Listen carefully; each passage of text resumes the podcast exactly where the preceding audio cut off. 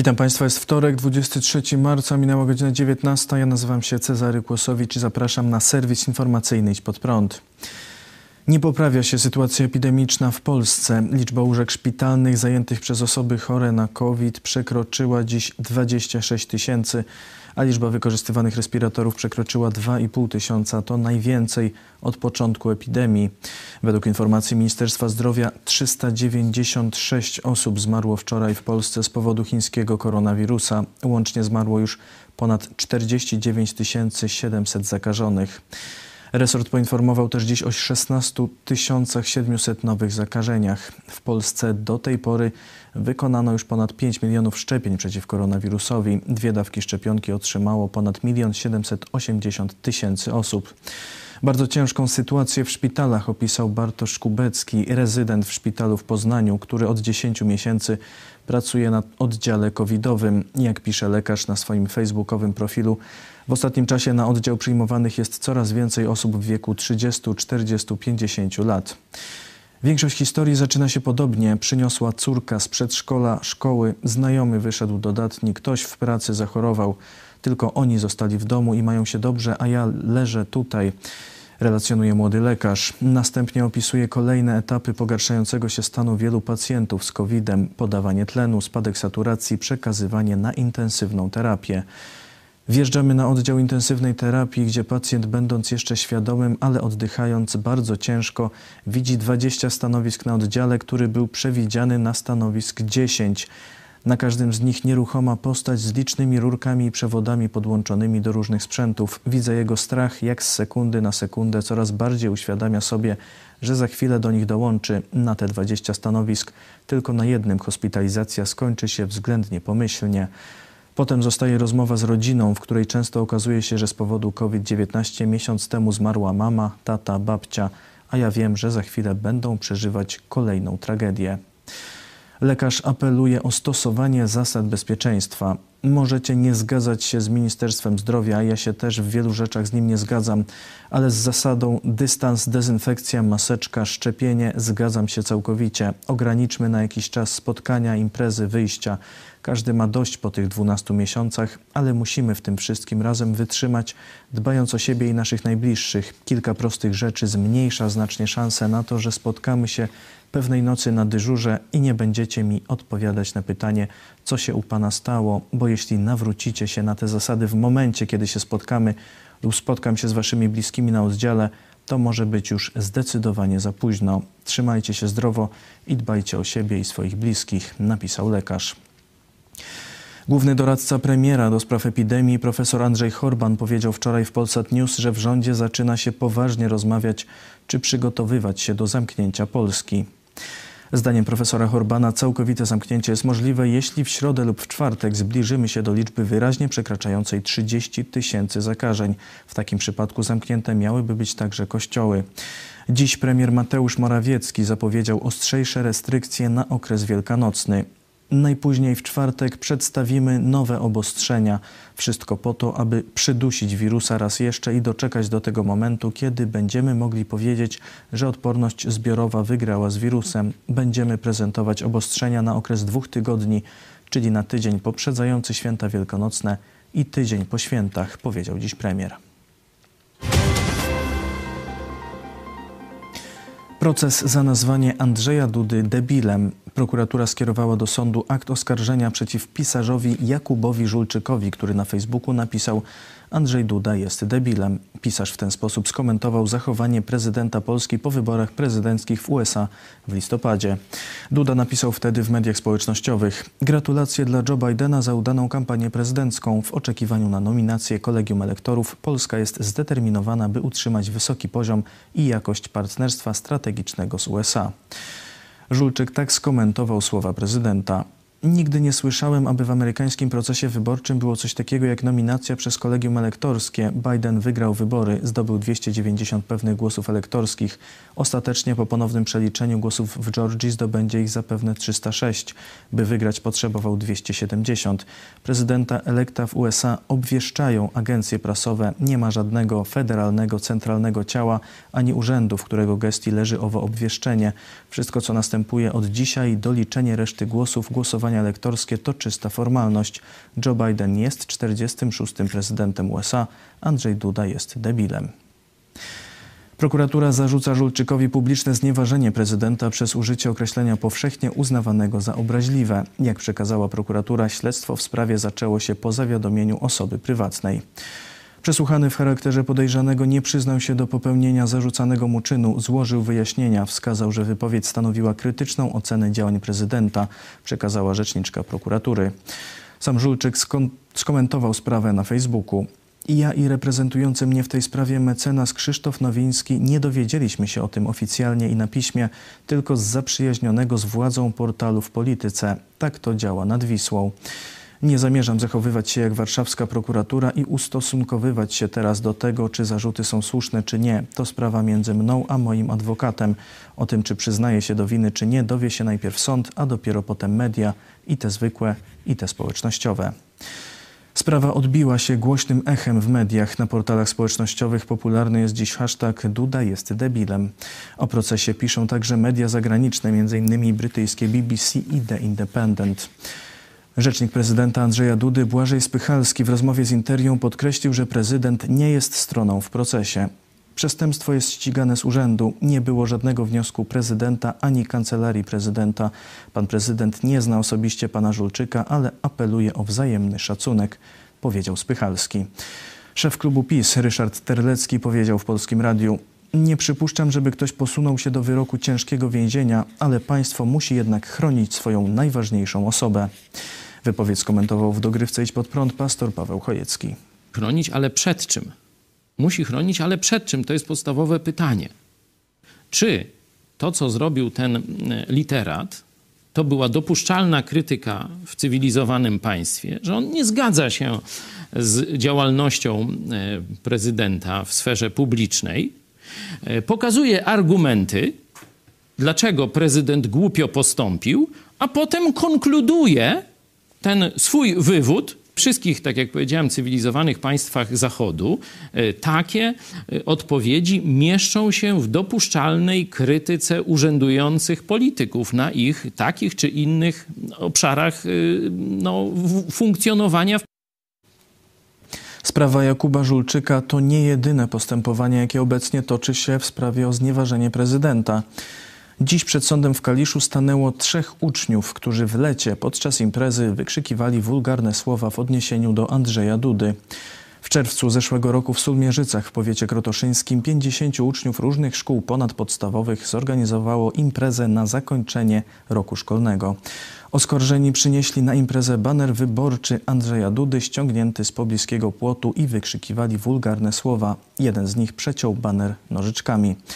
Policja o zdarzeniu poinformowała radna PiS z powiatu, której syn był obecny na imprezie. Adwokat Tomasz Kowalski powiedział w rozmowie z Polską Agencją Prasową, w przypadku tak młodych ludzi można zdecydowanie stwierdzić, że ich działanie było tylko głupotą, naiwną zabawą, chęcią zwrócenia na siebie uwagi, a nie chęcią obrażenia prezydenta.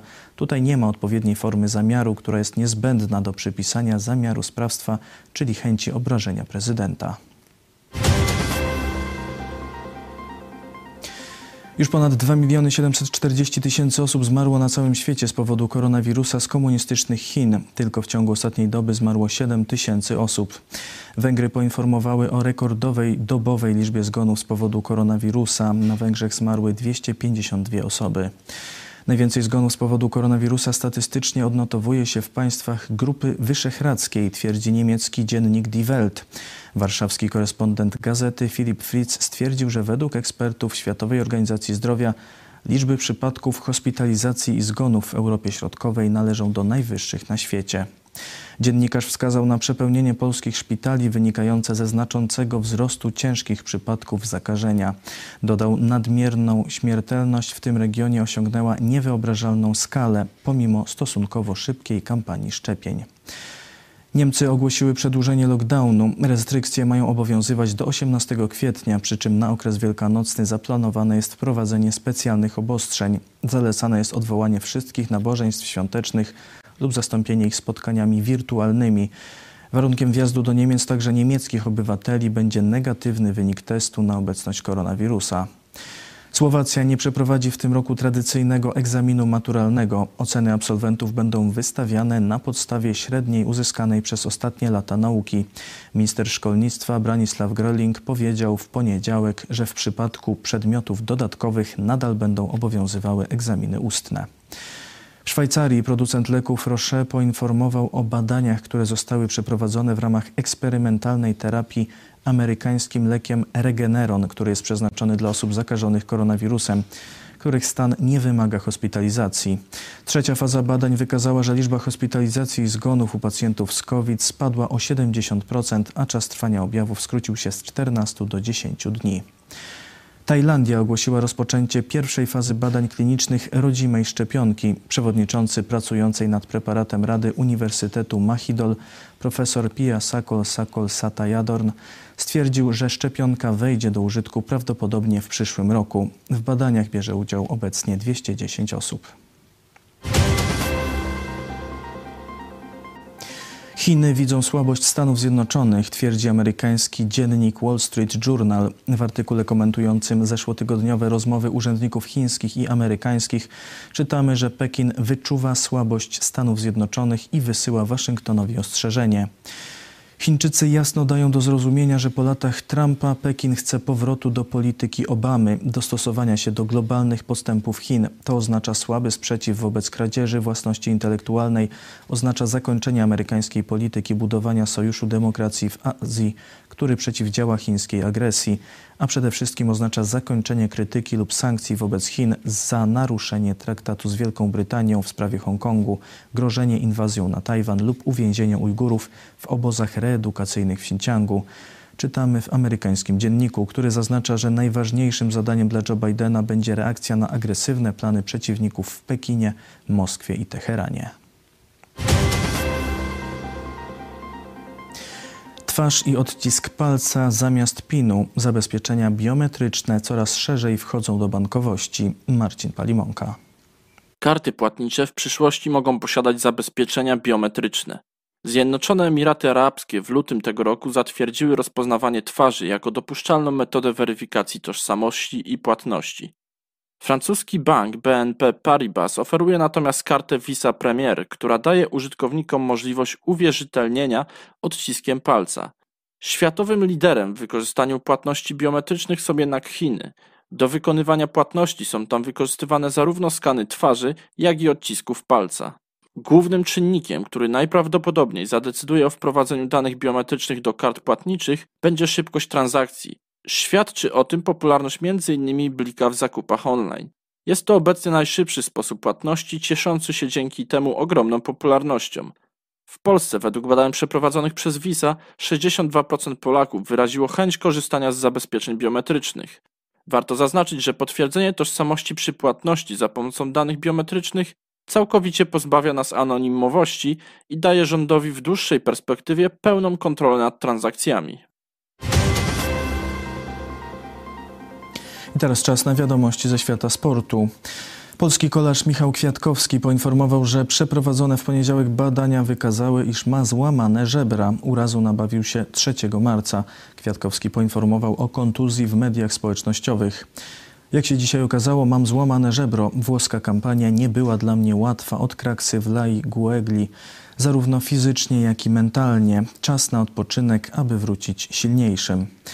Od wypadku były mistrz świata zaliczył 8 dni startowych. W ostatnią sobotę zajął 17 miejsce w wyścigu kolarskim Mediolan Sanremo. Oprócz tego wyścigu Michał startował też w siedmioetapowym Tirreno Adriatico, w którym zajął 51 miejsce. Amerykańskie zestawy przeciwlotnicze i przeciwrakietowe Patriot przechwyciły atak rakietowy w czasie dekoracji po zakończonym wyścigu samochodów elektrycznych Formuły E w Riyadzie. Nad stolicą Arabii Saudyjskiej rozbłysło niebo oraz słychać było wybuchy.